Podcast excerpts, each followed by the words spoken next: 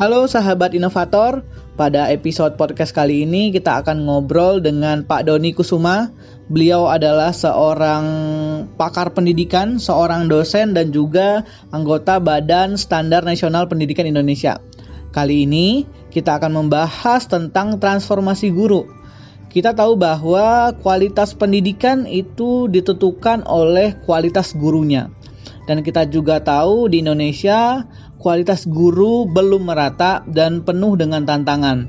Nah, kali ini kita akan bahas apa saja sebenarnya tantangan dari pemerataan kualitas guru ini dan juga apa yang bisa kita kontribusi untuk meningkatkan kualitas pendidikan Indonesia ini terutama untuk membantu guru-guru kita meningkatkan kualitasnya.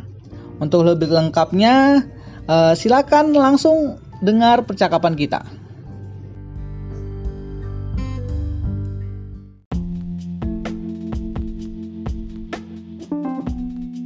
Entah, Pak. Pak, karena berhubung sudah live di Instagram dan YouTube, okay. kita mulai aja Pak ya. Oke, baik Mas. Kita ngobrol-ngobrol okay, santai saja ya Mas ya. Santai, Mbak. Santai, Pak. iya, nggak usah serius-serius aja, Pak. Ya, betul. Enggak. Hidup ini terlalu, Pak, serius apalagi ada adanya virus corona ini, Pak. Jadi kita bawa santai aja, Pak. Hmm. Oke, okay, selamat siang teman-teman semuanya yang nonton di Instagram ataupun di YouTube di setiap hari Rabu seperti biasa kita akan diskusi tentang pendidikan Indonesia dan kali ini uh, uh, saya sangat terhormat mendapat kesempatan diskusi dengan Pak Doni Kusuma. Beliau seorang dosen, beliau seorang penulis uh, buku, beliau seorang praktisi pendidikan, saya bolehkan ahli juga dalam bidang pendidikan karakter gitu. Jadi hari ini kita akan ngobrol sama Pak Doni tentang transformasi guru. Kenapa mentransformasi guru? Karena itu salah satu tulisan beliau yang luar biasa menurut saya itu terbit di Kompas tanggal 8 September beliau tidak hanya uh, mengkritik tapi juga uh, membedah uh, persoalan dengan sangat-sangat uh, jernih gitu. Jadi hari ini kita ngomong santai tentang mentransformasi guru ya, Pak Doni ya. Ya. Siap. Pak Doni kan biasanya kalau kita bicara permasalahan pendidikan, saya itu sering bingung kita mulai ngomongnya dari mana gitu karena begitu banyak celah yang bisa kita omongin kalau tentang masalah mulai fasilitasnya, kemudian uh, soft skill gurunya, kemudian belum gajinya, kurikulum dan lain itu banyak banget gitu.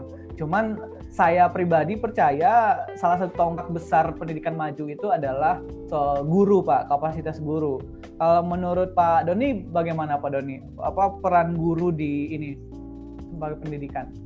Ya, terima kasih Mas Fajri. Uh, senang sekali kita bisa berjumpa di sini untuk berdiskusi dan ngobrol-ngobrol ya santai tentang pendidikan uh, di Indonesia ini. Saya rasa memang setiap kali kita berbicara tentang pendidikan di Indonesia ini sangat menantang. Kenapa?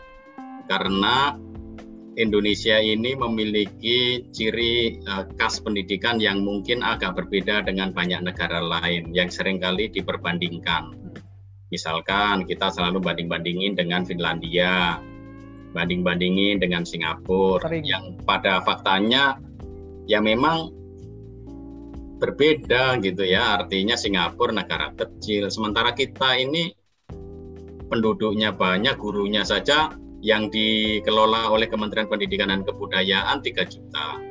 Tetapi kalau digabung dengan Kemenak itu hampir sekitar 4 juta, 4,5 juta. Ini kan sebuah uh, aset bangsa yang sangat luar biasa gitu yang bisa untuk mentransformasi pendidikan gitu.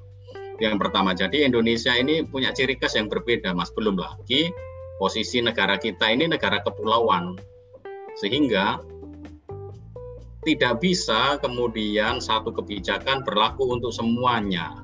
Belum lagi ada disparitas yang tinggi antara di Jawa, di luar Jawa, bahkan di Jawa pun disparitas itu sangat berbeda-beda. Padahal kita ingin bangsa ini maju bersama-sama.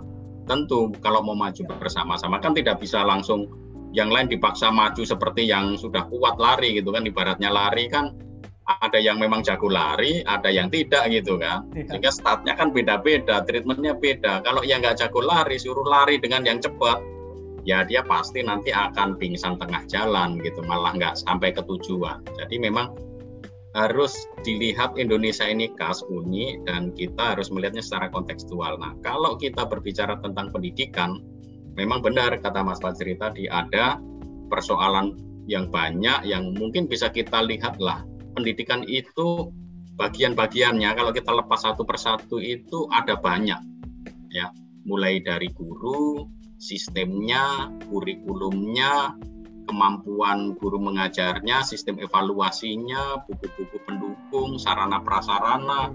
Lalu banyak lagi gitu. Tetapi saya melihat kalau kita mau berbicara tentang persoalan utama nih pendidikan di Indonesia memang kunci utamanya itu ada di guru menurut saya. Apa pun kurikulumnya diganti seberapa hebohnya gitu, tapi ketika gurunya tidak dibereskan, tidak dikelola dengan baik, maka yang terjadi ya tidak akan cepat lah ya laju transformasi perubahannya. Begitu mas. Jadi kurikulumnya berubah, gurunya nggak berubah ya tidak jalan. Sistem evaluasinya berubah tapi mentalitas gurunya tidak berubah ya tidak akan jalan mas. Karena semua bisa diakalin gitu ya nah memang yang paling sulit adalah bagaimana uh, mengelola guru itu. Kira-kira itu mas. Jadi saya hmm. melihat memang penting sekali mas. Untuk guru ini sangat sangat vital. Berarti bukan guru secara pribadi ya Pak ya, karena saya menangkap selama ini apa-apa dibebanin ke guru, apa-apa yang salah di lapangan disalahin ke guru dan lain-lain. Artinya yang menjadi tantangan itu adalah pengelolaan gurunya, begitu Pak, kira-kira Pak? Ya, pengelolaan guru itu kan dari segi manajemennya. Tetapi ya. tujuan dari tata kelola guru adalah meningkatkan kualitas guru kan. Jadi Eh, peningkatan kualitas guru itu yang utama gitu. Jadi apa pun sistemnya tata kelolanya kalau itu tidak terfokus kepada peningkatan kualitas Bapak Ibu guru, nah ini lalu kemudian menjadi tetap bermasalah gitu. Jadi memang di satu sisi ada sistem, di satu sisi memang ada uh, individu guru yang akhirnya menentukan uh, maju mundurnya pendidikan kita. Iya iya Pak. Nah kalau Bapak lihat sendiri itu kan udah berapa seperti yang Bapak tulis di tulisannya udah 70 tahun nih kita merdeka sampai hari ini udah beberapa ganti menteri pendidikan, beberapa ganti kurikulum gitu. Sebenarnya ada perubahan yang signifikan dan berkelanjutan nggak sih Pak? Sebenarnya yang yang sedang dibangun oleh negara ini gitu yang yang kita kelihatan nggak sih ujungnya pengennya gurunya kayak apa gitu? Atau jangan-jangan emang program-program guru yang pop up pop up yang kayaknya ini deh kayaknya ini deh bukan dirancang so, untuk uh, berkelanjutan yang ada impactnya yang di paling akhir gitu. Kalau bapak melihat kondisi desain dari uh, pengembangan guru itu bagaimana pak? Dani? Ya, kalau saya melihat uh, bagaimana desain pengembangan guru saat ini, yang terjadi itu adalah masih belum adanya harmonisasi dan sinkronisasi, ya mulai dari hulu sampai ke hilirnya. Artinya apa? Mulai dari tempat di mana para guru itu dilahirkan, berarti uh, lembaga pendidik dan tenaga kependidikan di LPTK-nya, di universitasnya. Kemudian ketika guru itu masuk ke profesi, masuk menjadi guru mengajar di kelas, di situ seharusnya ada jenjang karir yang bisa diprospek oleh Bapak Ibu guru Lalu kemudian pada saat mereka itu sudah ada di dalam proses ini, bagaimana pendampingannya? Karena pendampingan ini sangat beda bagi guru baru, guru yang novice, guru yang sudah junior, lalu guru yang senior. Karena melihat komposisi ini selalu sangat penting sekali di dalam transformasi pendidikan.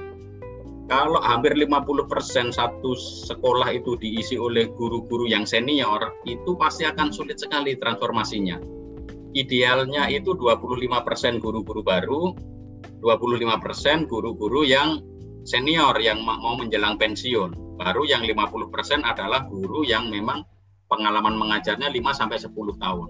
Artinya mereka sudah cukup hmm. siap. Nah, dengan komposisi ini transformasi akan cepat sekali berjalan.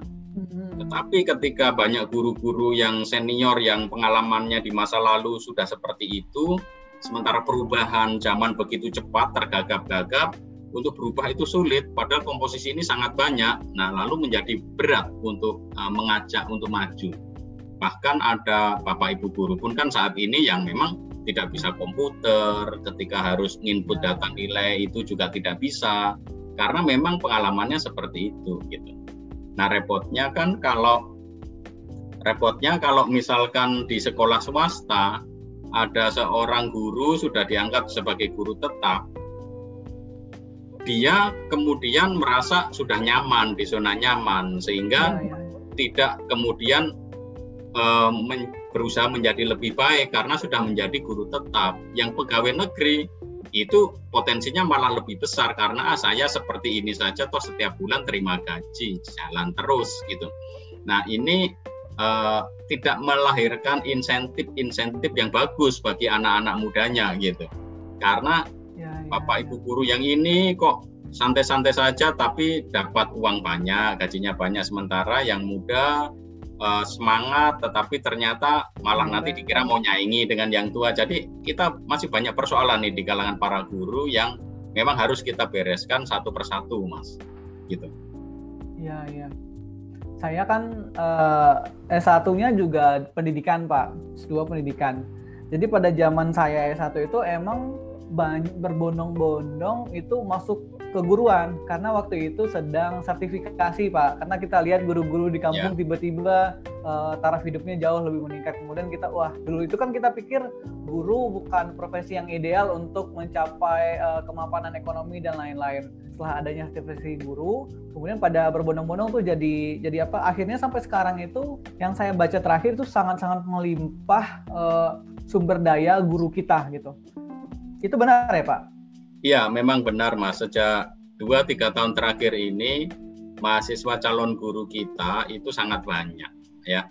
Uh, saya tidak tahu persisnya data yang terakhir, tetapi eh, rata-rata itu kalau misalkan tidak ada perubahan untuk pengelolaan kuota penerimaan mahasiswa baru calon guru, maka ya posisinya akan tetap sama seperti sekarang. Artinya posisinya sekitar 1 sampai 1,2 juta calon guru yang saat ini sedang belajar di LPTK. Jadi bisa dibayangkan kalau misalkan jumlah calon gurunya begitu banyak yang sedang sekolah, lalu kemudian yang dibutuhkan setiap tahun untuk proses pensiun pun cuma sekitar 75 ribuan gitu ya, paling banyak 100 ribu. Ya, ya. Lalu akan menjadi sulit sekali mereka begitu lulus dapat pekerjaan kan Hmm. Ini yang menjadi masalah karena mungkin LPTK LPTK yang sekarang ini ada kan banyak sekali mas. Jadi dulu IKIP yang menjadi uh, universitas itu kan sekitar ada 12 uh, IKIP jadi universitas lalu yang memang sekolah-sekolah calon guru itu yang bagus itu mungkin jumlahnya bisa dihitung sekitar 40-50-an. Ya. Tetapi LPTK LPTK swasta yang tersebar di banyak tempat ini ya mereka itu tadi menerima mahasiswa baru karena ada semangat untuk itu tadi dapat sertifikasi mas. Hmm. karena gaji guru itu sudah ya, ya lumayan ya, bagus gitu apalagi kalau pegawai negeri gitu ya. Yang dari segi hmm. uh, gajinya itu lebih sejahtera dibandingkan yang lain maka banyak yang masuk di sana. Nah sebenarnya kan ini suatu kesempatan ya bagi kita untuk hmm menyeleksi guru-guru terbaik gitu. Dalam hal ini saya sepakat dengan apa yang dilakukan Singapura maupun Finlandia. Ketika banyak pendaftar calon guru, sebenarnya kita bisa menyeleksi mereka yang terbaik karena yang terbaik inilah yang kemudian akan menjernihkan persoalan guru dari keran awalnya gitu. Kalau air yes, yes. gitu, ini yang sudah ada di dalam proses pengajaran ini ya sulit untuk diubah juga gitu karena terlalu banyak hmm. masif ya lalu kemudian untuk memperbaikinya juga tidak mudah paling hanya dengan program-program sekilas saja bahkan ada yang guru sampai pensiun pun tidak pernah dapat pelatihan dari pemerintah ini kan nah. eh, terjadi juga gitu ya artinya kita perlu memberdayakan. Makanya lembaga swadaya masyarakat yang memberikan pelatihan pada guru itu sangat kami apresiasi karena nggak cukup pemerintah hmm. itu kalau memberi pelatihan kepada semua guru. Selain anggarannya terlalu besar, juga mungkin uh, tidak akan bisa selesai juga gitu. Berlatih terus-menerus setiap hari pun nggak akan terkejar itu 3 juta guru mas. Gitu. Artinya bapak ya. ibu sendiri yang harus punya inisiatif gitu untuk mengembangkan diri. Harapannya kan begitu, nggak usah nunggu ada pelatihan-pelatihan. Dan di masa COVID ini kan ternyata banyak bapak ibu guru mulai berlatih ya mereka ikut webinar, oh, mau, Pak. banyak ikut ya, sehingga malah berkembang mereka itu. Saya lihat banyak guru itu ikut kegiatan webinar-webinar itu dan bagus juga gitu mereka.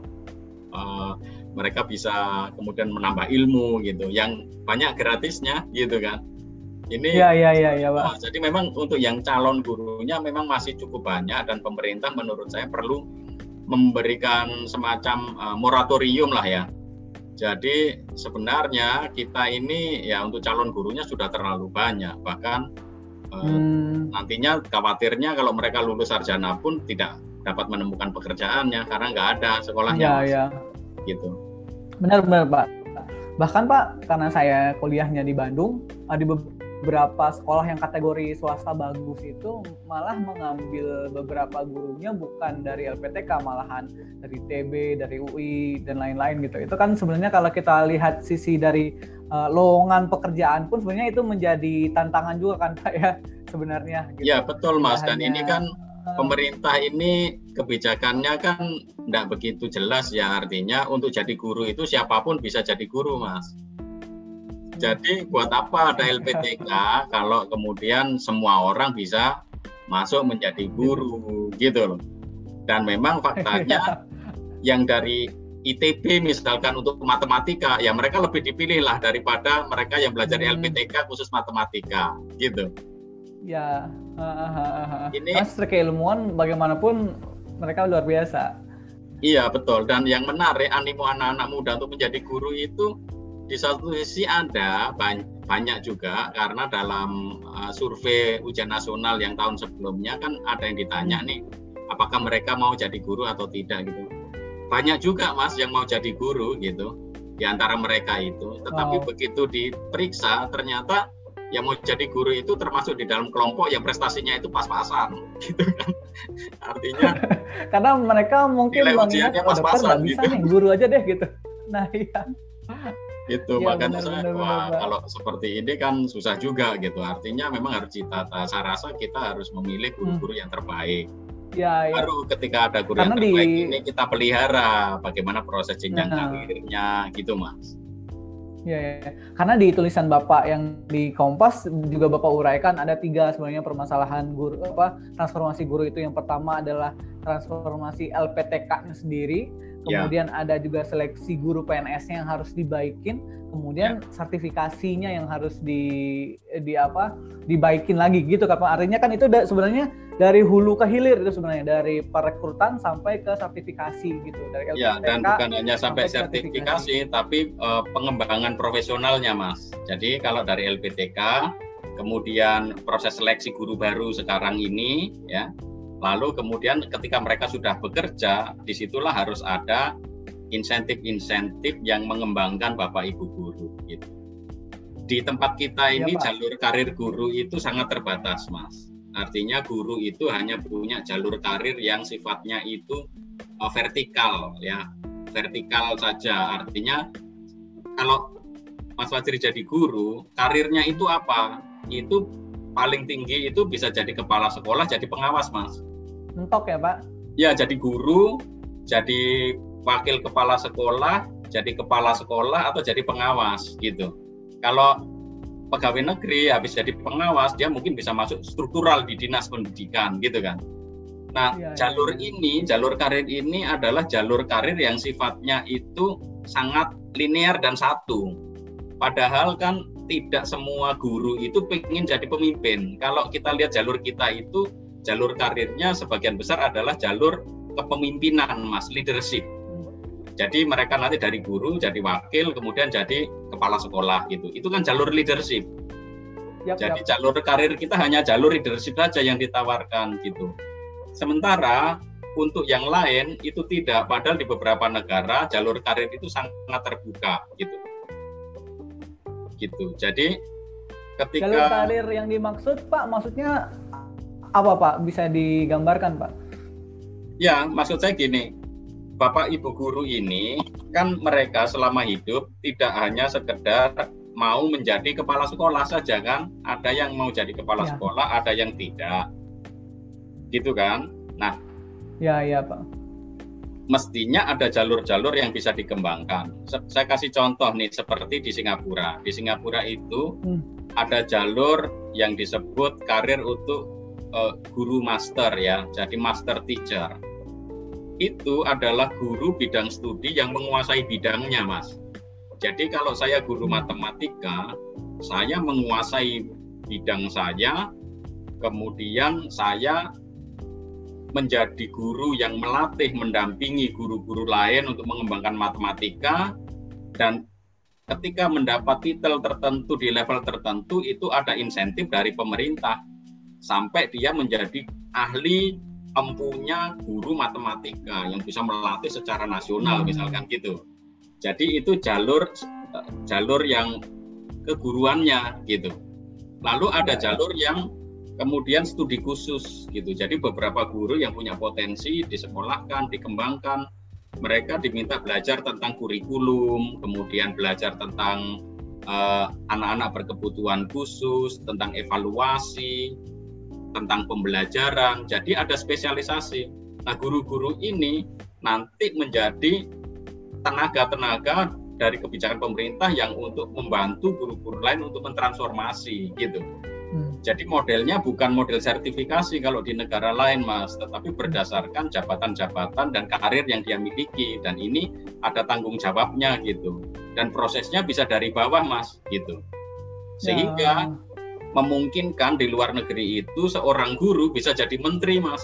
Hmm. Gitu. Karena apa? Dia dari guru kemudian menjadi kepala sekolah.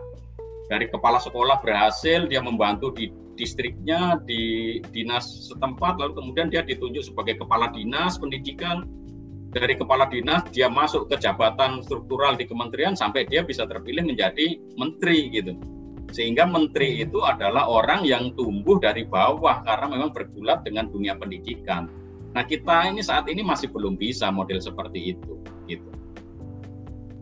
Ya ya, ya benar sih Pak. Jadi setidaknya kalau ada jalur seperti itu, yang mau jadi guru pun emang generasi-generasi yang terbaik, bukan yang seperti yang Bapak bicarakan karena nilainya menengah nih, oh ya jadi guru aja deh gitu. Ada aja dehnya gitu, bukan yang benar-benar yang pengen di, dicari gitu. Makanya outputnya pun juga aja deh juga mungkin gitu Pak ya.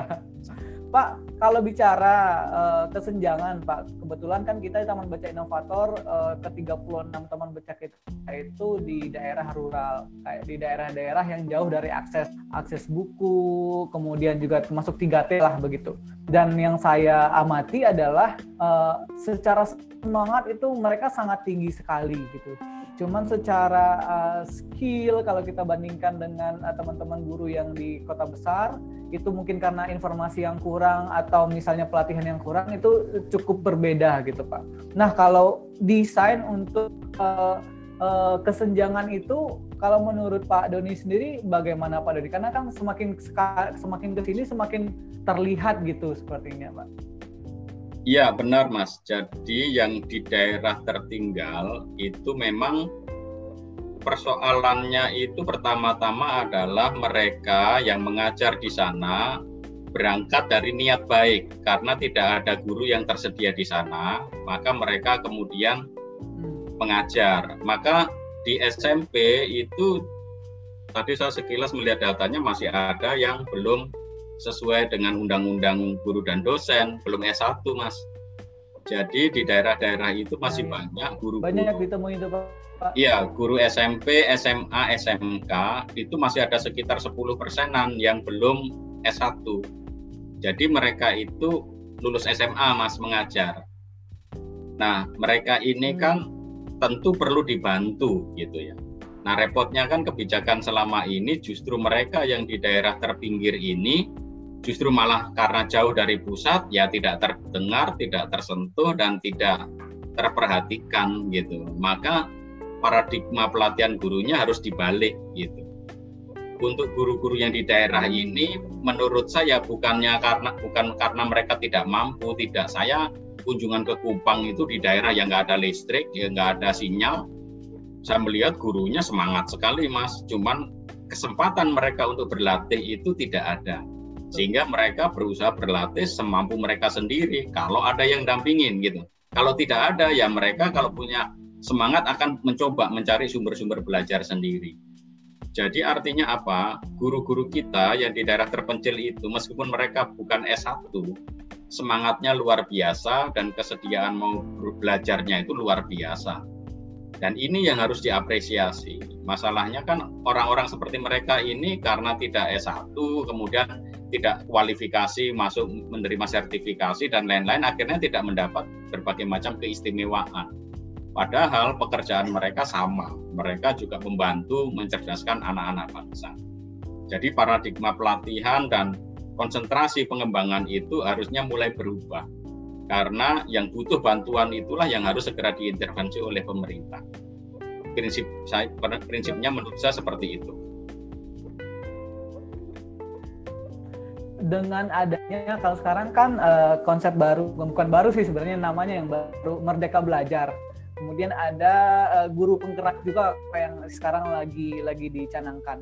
Kan uh, target mereka juga adalah untuk ke apa? Penyamarataan nanti kualitas gitu. Kalau program-program seperti itu yang sudah ada sekarang ini, yang yang lagi digalakkan oleh uh, Mas Menteri, itu menurut Pak Doni bagaimana Pak? kira-kira? Iya, menurut saya sebagai sebuah program baru itu bagus-bagus saja ya. Artinya ada guru penggerak, organisasi penggerak, sekolah penggerak, boleh saja. Hmm. Yang penting bagi saya adalah bagaimana hal ini nanti diimplementasikan. Prinsipnya di dalam transformasi pendidikan tidak boleh seorang pun itu ditinggalkan, Mas Artinya tidak boleh satu guru pun itu tertinggal.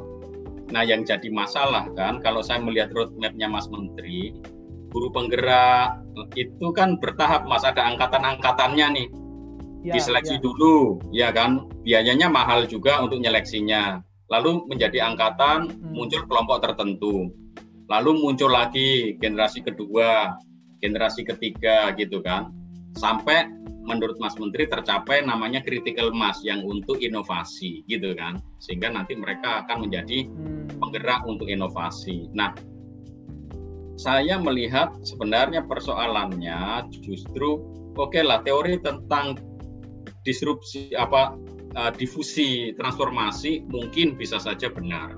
Ya, artinya kalau ada critical mass sampai sekitar 20% baru kemudian transformasi itu bisa berjalan ya ini mungkin bisa dipahami gitu. Tetapi persoalannya adalah kalau saya dari sisi ini saja Mas, dari sisi tanggung jawab moral saya saja sebagai seorang yang di bidang pendidikan. Apakah kita bisa dibenarkan mentransformasi hanya sebagian guru.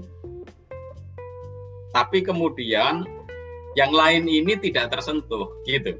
Nah persoalannya dengan guru penggerak itu kan di sini mas. Padahal dengan dunia teknologi yang canggih seperti sekarang, sebenarnya secara simultan bisa semua kok, barengan. Artinya guru penggerak juga jalan, tetapi guru yang nggak lolos guru penggerak ini juga harus segera diintervensi dengan berbagai ya, macam ya. cara gitu loh. Jadi eh, saya ingin melengkapi saja bahwa kalau misalkan tahun ini saja baru berapa persen guru penggerak, lalu kemudian energi pemerintah habis di guru penggerak, lah hmm. yang hampir 2,9 juta ini berapa? Guru penggeraknya kan ya. nggak sampai 100 ribu yang dilatih kan di sini pun gitu. Ya, ya, ya. Saya yakin nggak sampai 100 ribu untuk tahun ini saja. Berarti satu tahun itu tentang transformasi guru hanya melakukan untuk yang kelompok kecil ini. Itulah yang dalam tulisan saya sebut elit gitu kan mas. Baru saya mau sebut Pak. Elit yang terpilih gitu. Hmm. Padahal yang kita butuhkan adalah bukan pasukan-pasukan elit ini, Mas. Yang kita butuhkan adalah semua menjadi guru elit sesuai dengan kondisi dan situasi mereka. Tinggal cara mentransformasinya itu harus simultan, serentak bareng. Pemerintah kan punya infrastruktur sampai daerah, ada LPMP dan lain-lain. Itu digerakkan semua gitu. Artinya setiap guru, setiap sekolah harus mengalami proses transformasi. Nah, bagaimana memastikan ini? Nah, ini kan tentu saja tantangannya Mas Menteri kan, ya. gitu. Saya uh, hanya ingin melengkapi perspektif saja, bukannya guru penggerak ya. itu keliru, bukan. Sesuatu yang bagus dan dari sisi teori difusi transformasi, difusi perubahan mungkin benar. Meskipun kalau saya baca yang dari difusi itu kan sebenarnya dulu itu dimulainya dari masa dunia pertanian itu mas. Jadi orang yang hmm. nggak mau pakai pupuk organik lalu yang satu pakai pupuk organik lalu ketika 20% petani memakai pupuk organik maka perubahan itu kemudian mentransformasi gitu tetapi untuk konteks Indonesia tampaknya kurang tepat juga difusi pendekatan yang seperti ini gitu. Seolah-olah harus ada guru penggerak 20% gitu. Tidak gitu. Artinya apa? Di masing-masing sekolah itu kan ada guru penggerak. Nah kalau guru-guru penggerak ini diambil dari luar, kemudian orang lain mau digerakkan, menjadi guru itu bukan masalah saya ber, berdiri diam lalu saya digerakkan gitu. Bukan gitu. Menjadi guru itu adalah saya ini potensinya dikembangkan gitu. Jadi masing-masing guru punya tanggung jawab mengembangkan diri. Gak harus menunggu digerakkan oleh orang lain, terutama oleh guru penggerak gitu kan. Bukan itu metodenya gitu. Jadi harus dari guru-guru yang lahir dari pengalaman itulah justru dari situlah didampingi gitu. Maka sebenarnya fokus pengembangan guru bisa ke satuan pendidikan, bagaimana menyeleksi guru-guru terbaik di sekolah dengan mekanisme yang transparan dengan sistem uji, assessment dan lain-lain. Ya, dari ya, situ ya, sebenarnya ya, ditemukan ya. banyak guru yang baik, Mas. Banyak, Pak, banyak. Karena benar juga kata Bapak maksudnya kalau guru penggerak ini diseleksi yang terbaik ya yang baik akan jadi tetap yang terbaik gitu. Dan kemudian yang yang tidak akan begitu ya Doni ya. Iya. Yeah. Iya. Oke. Um, dan sekarang itu corona gitu. Satu sisi saya ngelihat uh, bahwa uh, ternyata pendidikan kita uh, uh, tidak serapuh itu gitu. Satu sisi saya beradaptasi dengan beberapa teknologi gitu. Meskipun itu guru senior juga harus uh, belajarnya menggunakan teknologi. Nah kalau yang bapak lihat sendiri di apa di corona masa corona ini nanti akan merubah uh, tatanan pendidikan dan dan guru nggak pak nanti ke depannya gitu. Dengan uh, fenomena uh, situasi corona yang sekarang ini kita lihat fenomena yang sekarang ini. Ya situasi corona ini memang semacam apa ya situasi luar biasa ya karena corona inilah yang akhirnya berhasil menghentikan ujian nasional kan? Udah dari zaman kami. Iya, saya itu sejak zaman Pahala itu memperjuangkan supaya ujian nasional itu dievaluasi terus-menerus. Akhirnya ya corona lah yang menang gitu ya. E, artinya apa? Corona ini mengubah cara kita memandang pendidikan, Mas. Jadi setelah corona ini, dunia pendidikan kita tidak lagi sama seperti sebelumnya. Karena apa? Kita belum tahu corona akan berakhir atau tidak. Yang jelas kita sudah tahu anak-anak harus punya pengalaman belajar yang mendalam dan otentik.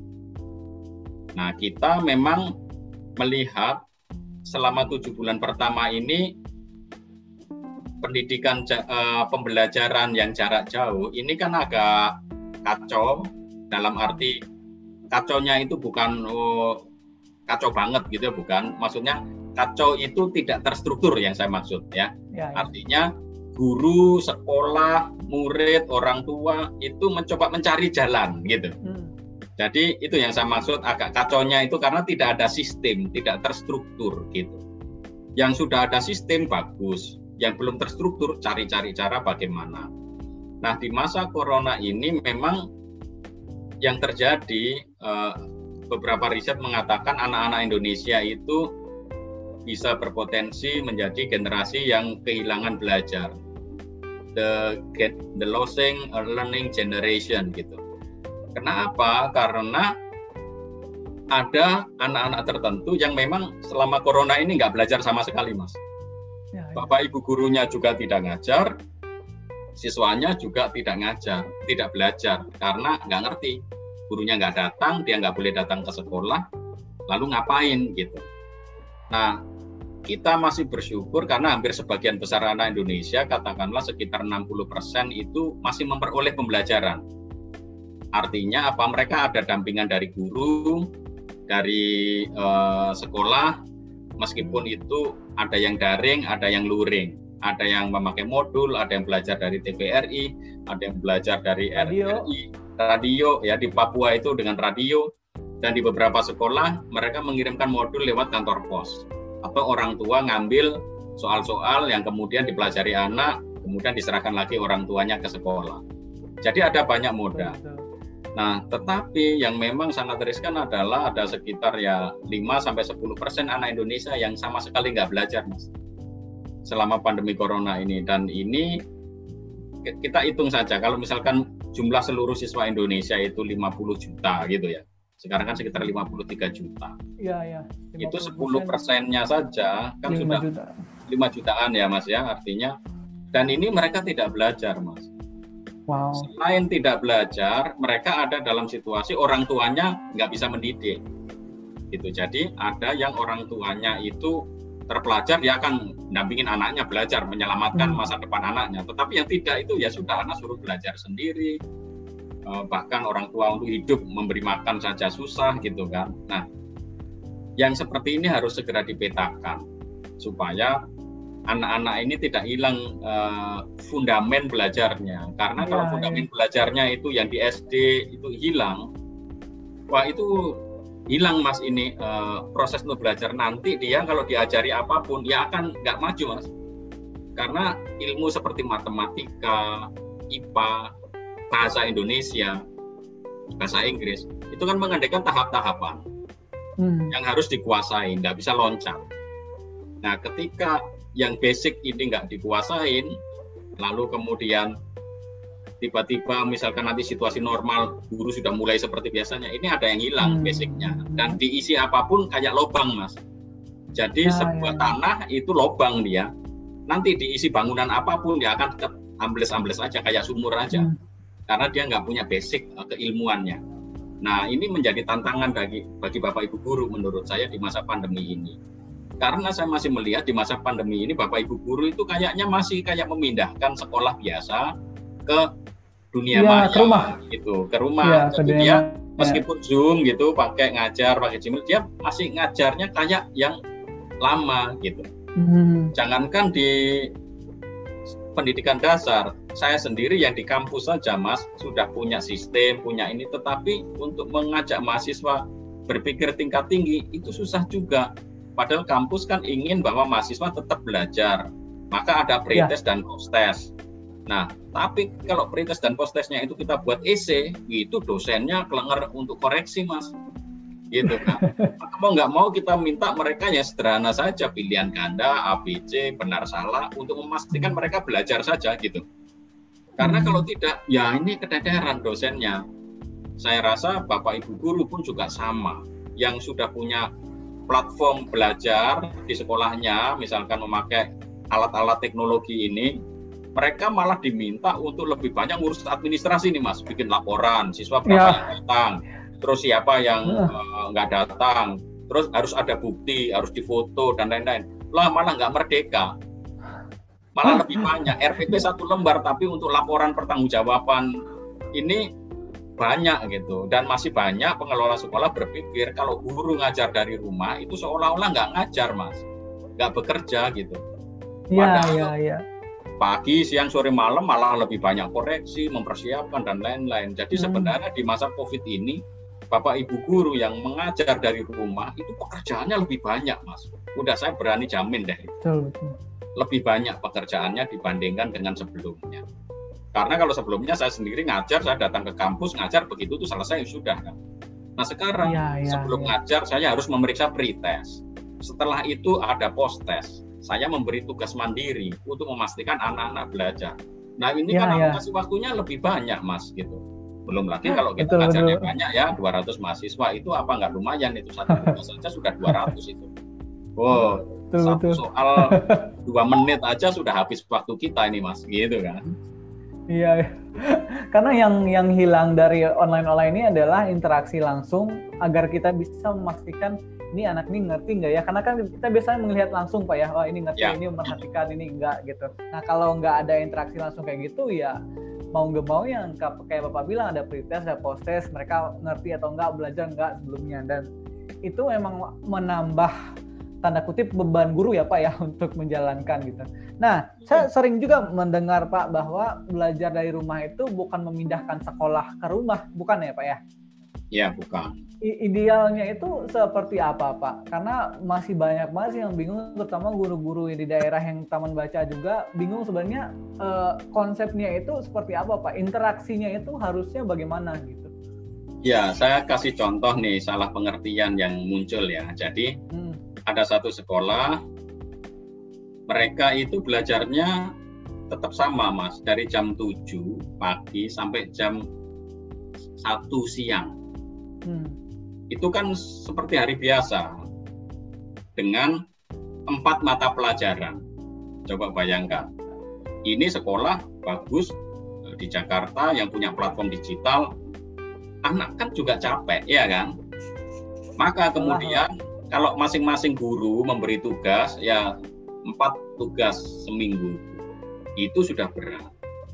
Lalu kemudian diberi solusi guru uh, untuk minggu depannya bisa selang-seling, jadi online dan offline.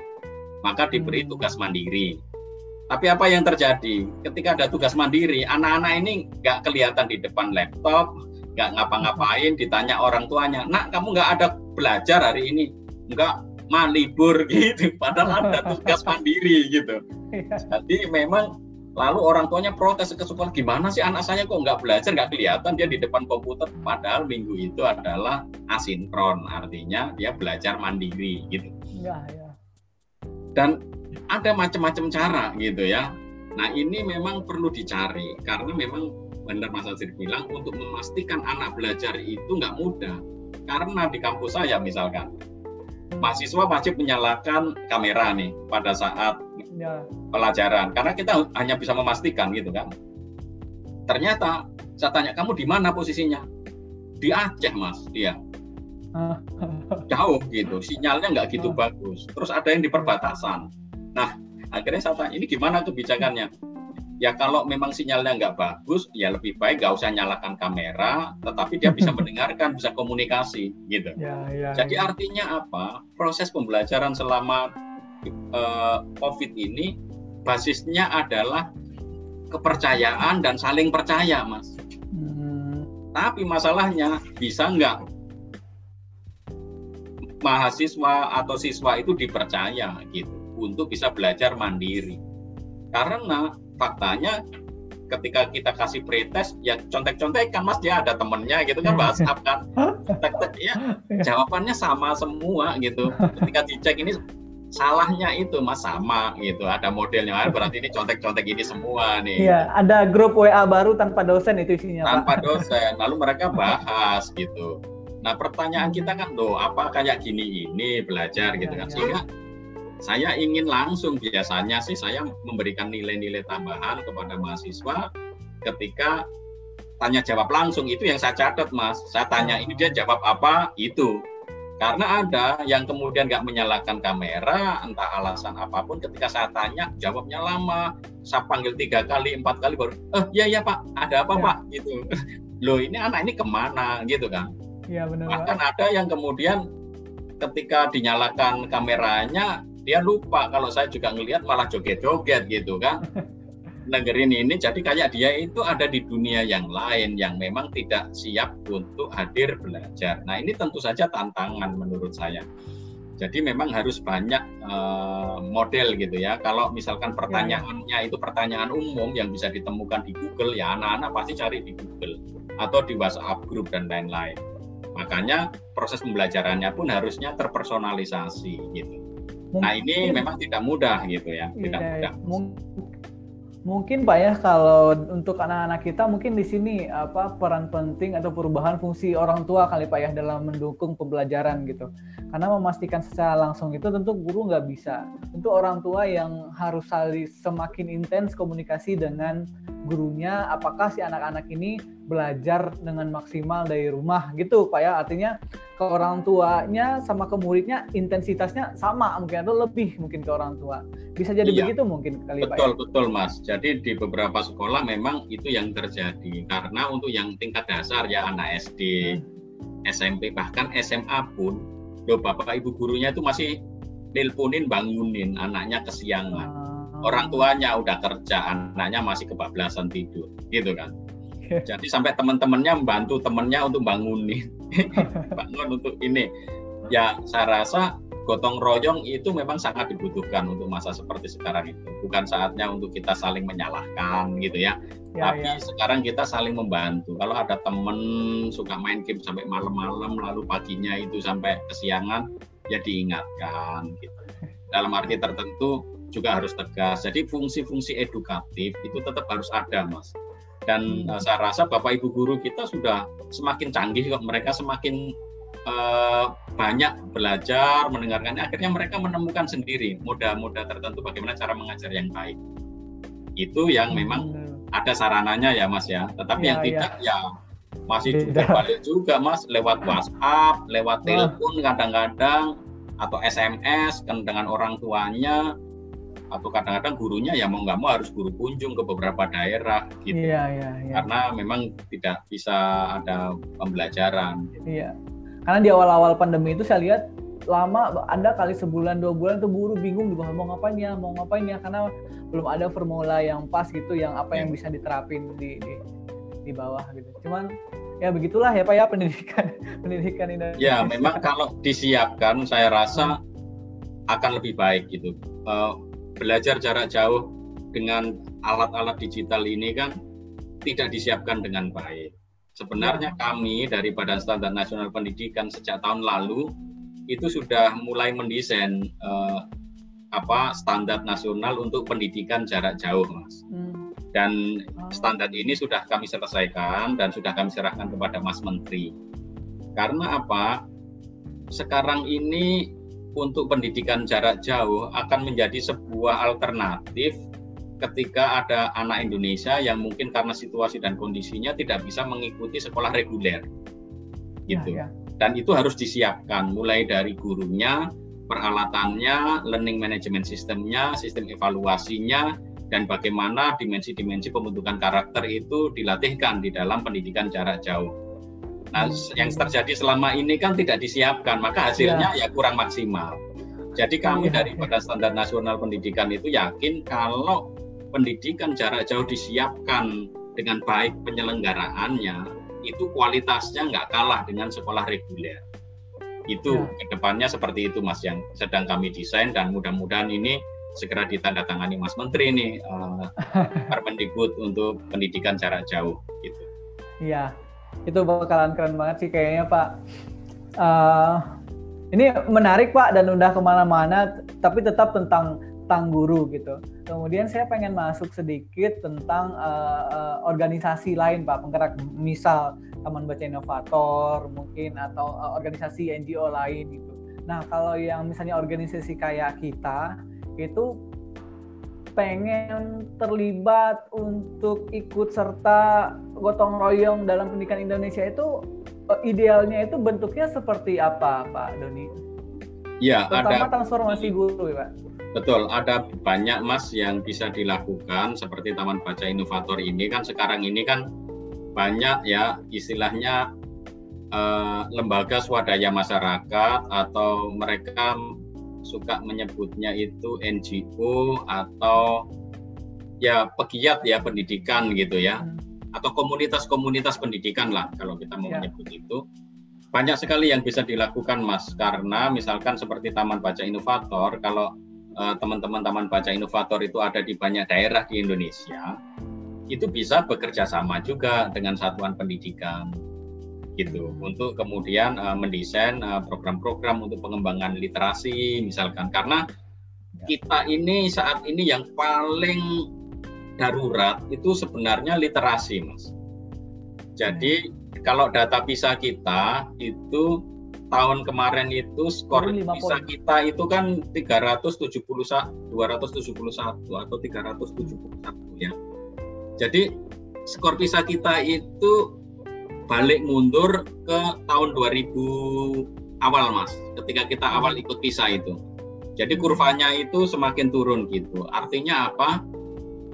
Anak-anak Indonesia ini tampaknya selama 20 ter tahun terakhir ini atau 10 tahun terakhir ini kemampuan untuk memahami bacaan, kemudian menyeleksi informasi, kemudian memilah-milah mana informasi yang benar, mana yang tidak, kemudian mencari bagaimana memastikan bahwa informasi yang saya terima itu benar. Misalkan nih informasi tentang bencana alam. Tentu yang qualified relevan adalah di BNPB atau BMKG misalkan. Tapi banyak orang ngambil informasi tentang bencana itu dari situs-situs yang nggak jelas. Nah, yang seperti ini kita nggak, uh, masih sangat kurang sekali sehingga anak-anak Indonesia belum bisa membanding-bandingkan informasi satu dengan yang lain, kemudian menarik kesimpulan dari informasi yang sama gitu. Karena dalam konteks jurnalistik untuk memahami realitas itu kan butuh sudut pandang yang begitu banyak. Artinya harus ya, ada ya. keterbukaan, perspektif, critical thinking. Critical thinking itu kan. Nah, ini yang sangat dibutuhkan. Nah, tampaknya tidak, Mas. Nah, Taman Baca Inovator mungkin dalam konteks pengembangan guru bisa membantu ini Mas memberikan pelatihan-pelatihan bagi Bapak Ibu guru hmm. untuk bisa memiliki sikap uh, berpikir kritis karena memang guru kan mengajarkan apa yang bisa dia punyai aja. Yang tidak ya. dia punyai kan nggak bisa diajarkan Mas. Kalau gurunya nggak kritis, ya dia nggak bisa ngajarin berpikir kritis. Memang kalau gurunya nggak kritis, belum tentu anaknya nggak kritis karena anak kan belajar bukan hanya dari satu guru. Gitu. Ya. Tetapi kemungkinannya adalah bahwa guru ini tidak akan efektif untuk menumbuhkan sikap kritis karena dia sendiri nggak kritis. Dan banyak loh guru-guru kita itu yang tampaknya mudah sekali terjebak oleh kelompok-kelompok eh, entah ideologi, entah kelompok macam-macam yang kemudian mematikan daya kritisnya. Nah, saya rasa Bapak Ibu guru di mana pun, mohonlah lepaskan atribut-atribut politik, katakanlah gitu ya, yang kita miliki ketika hmm. mengajar anak Indonesia itu ajarlah mereka untuk mempergunakan akal budi, hati dan pikirannya untuk menjadi manusia yang bisa berdaya tahan, bisa hidup di tengah dunia yang serba berubah. Saya rasa ya. membekali itulah yang penting gitu. Ya benar Pak. Jadi Pak di kita di Taman Baca Inovator kita lagi ngembangin uh, eh, 3C, pelatihan 3C buat guru-guru dan anak. Jadi 3C itu ada critical thinking, ada complexity problem solving, yang terakhir ada creativity gitu. Jadi kita uh, memberikan studi kasus studi kasus kepada anak-anak yang bisa dipecahkan kepada staf kita dan kepada guru-guru juga. Tapi masih sedang dikembangkan sih Pak. Maksudnya udah jalan tiga bulan kita kasih ke guru dan ke staff dan ke anak-anak kita cuman saya terus belajar ngembang ini. Mungkin bisa nanti diskusi sama Pak Doni juga kali Pak ya. Oh boleh Mas. Dengan senang hati. Saya kan juga mengajarnya pas ya. Kebetulan cocok saya di kampus ngajar critical and creative thinking. Jadi memang Aduh, pas. untuk uh, mahasiswa uh, eh, PR strategi communication jurnalistik hmm. itu memang saya ingin membekali mereka dengan kemampuan kritis. Karena sekarang ini kan banyak liputan-liputan wartawan kan yang nggak jelas hmm. mas artinya kualitas kualitas liputan wartawannya itu tidak berbasis pada jurnalisme fakta yang sering kali juga tidak jujur nah ini nggak nggak boleh sebagai seorang jurnalis wartawan atau uh, strategi communication maka saya ingin menanamkan dalam diri mereka ada dimensi moral di sini tanggung jawab moral kita sebagai akademisi dan profesional hmm. untuk tetap berpihak pada apa yang benar. Nah ini yang memang harus kita ajarkan, Mas. Saya setuju sekali itu critical thinking, uh, complex uh, problem solving, ya, lalu creativity itu memang sangat dibutuhkan. Pak, Dan nanti depannya. saya belajar ke Bapak ya Pak untuk kembangin ini lagi, boleh ya Pak ya? Boleh, boleh. Pak, ini ada pertanyaan dari di YouTube Pak di komentar. Nah, dari Ibu Evi Anggra ini, bagaimana guru menyikapi atau sekolah atau yayasan yang masih enggan melakukan transformasi profesionalisme dan pedagogi bagi guru gitu. yang kayak bapak bilang tadi pak ada aja uh, guru-guru yang nyaman dengan gaya lamanya gitu. Ini kayaknya guru baru nih yang nanya. Itu gimana pak menyikapinya hal-hal yang seperti itu pak? Ya memang ini mungkin di sekolah swasta ya yayasan swasta gitu ya. Uh, yang penting menurut saya adalah harus ada evaluasi dan refleksi mas. Jadi setiap kali ada kebijakan dievaluasi apakah sesuai ada masalah atau tidak gitu. Karena kemampuan reflektif ini yang sangat kita butuhkan karena saat ini kan dunia ini banyak informasi beredar banyak sekali ya, ya. tetapi kan kita harus hening, tenang melihat informasi dan memilih mana informasi yang tepat dan melihat apakah yang kita kerjakan itu sudah tepat atau belum. Sehingga dari situlah ketika kita mau mendengarkan keluhan orang tua, mendengarkan keluhan guru, mendengarkan mungkin juga orang-orang lain, orang tua, mungkin kita bisa membuat keputusan yang lebih bijak, terutama bagi pengelola-pengelola sekolah, satuan pendidikan, dan mungkin juga di kementerian ya, karena iya, ketika ya, ya banyak sekolah itu yang bagus-bagus jor-joran untuk sinkron pembelajaran selama lima jam dalam satu hari yang ingin menunjukkan ini loh sekolahku bagus anaknya belajar semuanya ada. Tapi dampaknya apa matanya rusak. Ada anak yang pakai headset terus mas. Gendang telinganya sudah mulai berdenging.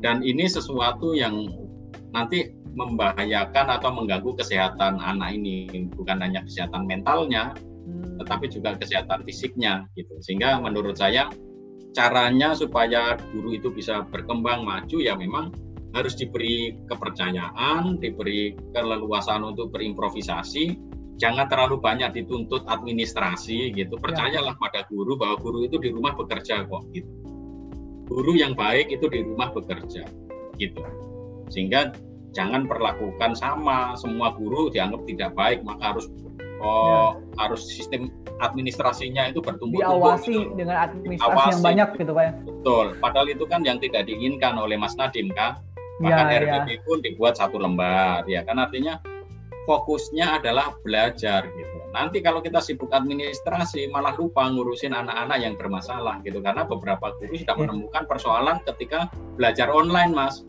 jadi hmm. anak-anaknya sudah mulai ada yang membuli satu sama lain, lalu ya, kemudian ya, ada ya. yang macam-macam gitu ya, uh, ada yang mencontek, ya kan, ketahuan juga gitu. Guru-guru kan tahu anak ini nyontek atau tidak gitu kan. Ya, ya, ada ya. yang plagiarisme gitu. Uh, tugas yang sudah dikerjakan dikumpulkan lagi hanya diganti beberapa bagian gitu kan itu sudah terjadi gitu maka yeah. bapak ibu guru harus handle ini ya yeah. handle ini gitu. Oke, Pak Doni, terima kasih banyak Pak Doni. Ini udah udah, udah satu jam gak kerasa Pak Doni. Iya, oke. Okay. Mungkin uh, Pak Pak Doni terakhir Pak Doni uh, tentang yang background di belakang Pak Doni itu apa Pak Doni? Mungkin bisa dijelasin juga ke teman-teman yang nonton uh, ada proyek apa, ada buku apa itu yang baru Pak Doni? Iya, untuk uh, teman-teman Taman Baca Inovator ini uh, kami sedang uh, meluncurkan, sekarang sedang proses cetak ini adalah buku uh, edisi uh, terakhir tentang seri penguatan pendidikan karakter.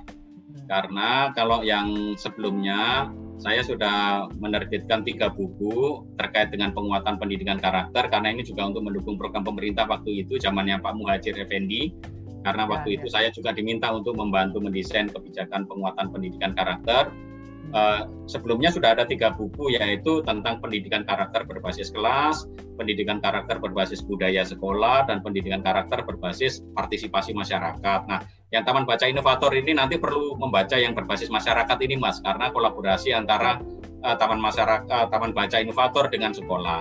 Nah, yang ini itu kami tidak berteori lagi, tidak banyak uh, istilahnya teori-teorinya, tetapi ini langsung praktik baik. Jadi ini adalah inspirasi praktik baik pendidikan karakter berbasis kultur sekolah. Jadi yang buku satu ini kita memakai berbasis budaya sekolahnya, Mas.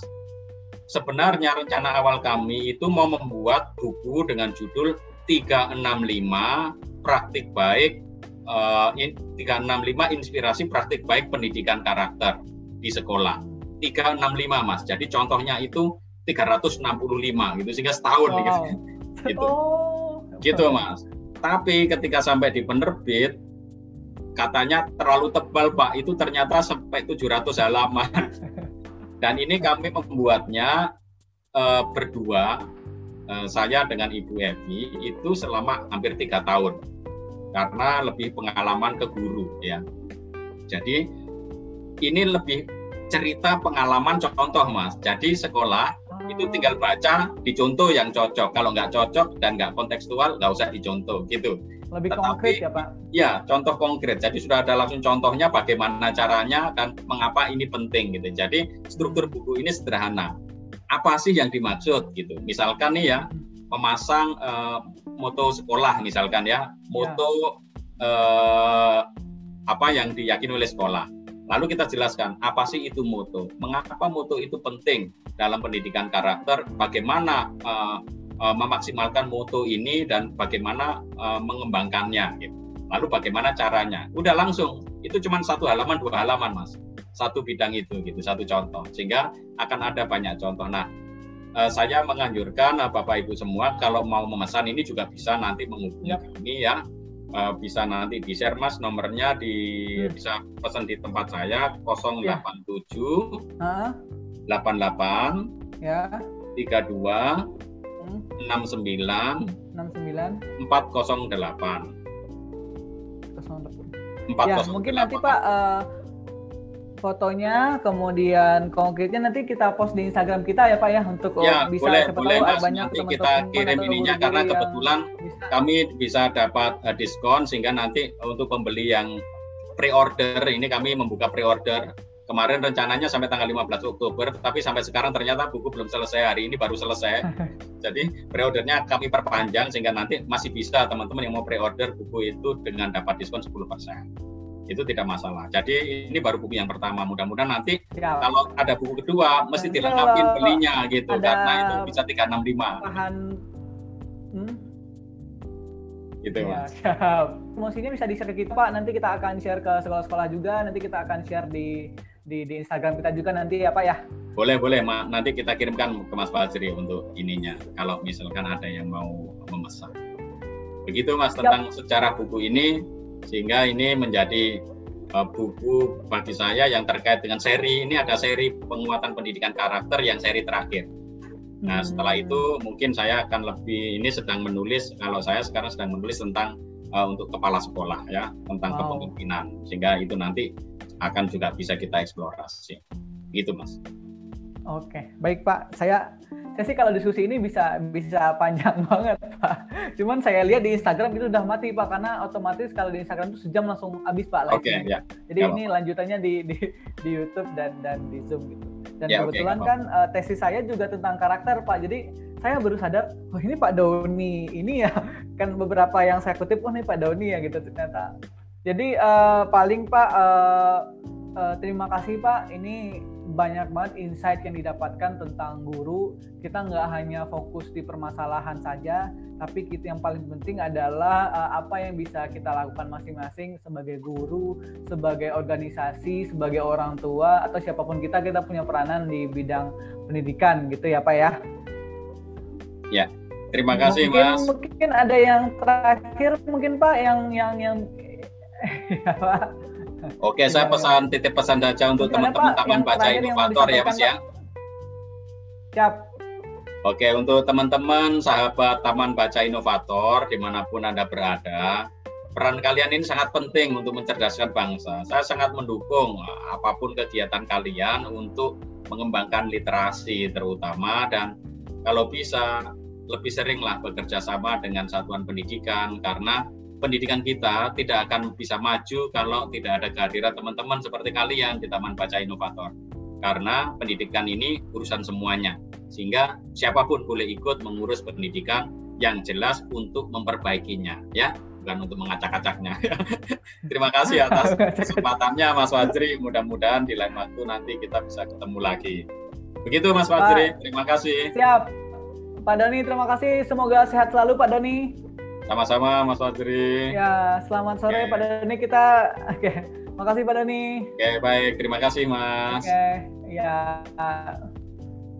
Oke, okay, uh, teman-teman yang nonton itu diskusi kita dengan Pak Doni. Semoga ada manfaatnya. Sampai ketemu lagi di diskusi selanjutnya uh, dengan ulasan yang menarik. Dan saya sih pengennya juga nanti kita akan sama Pak Doni lagi bahas beberapa bukunya Pak Doni tentang pendidikan karakter nantinya gitu.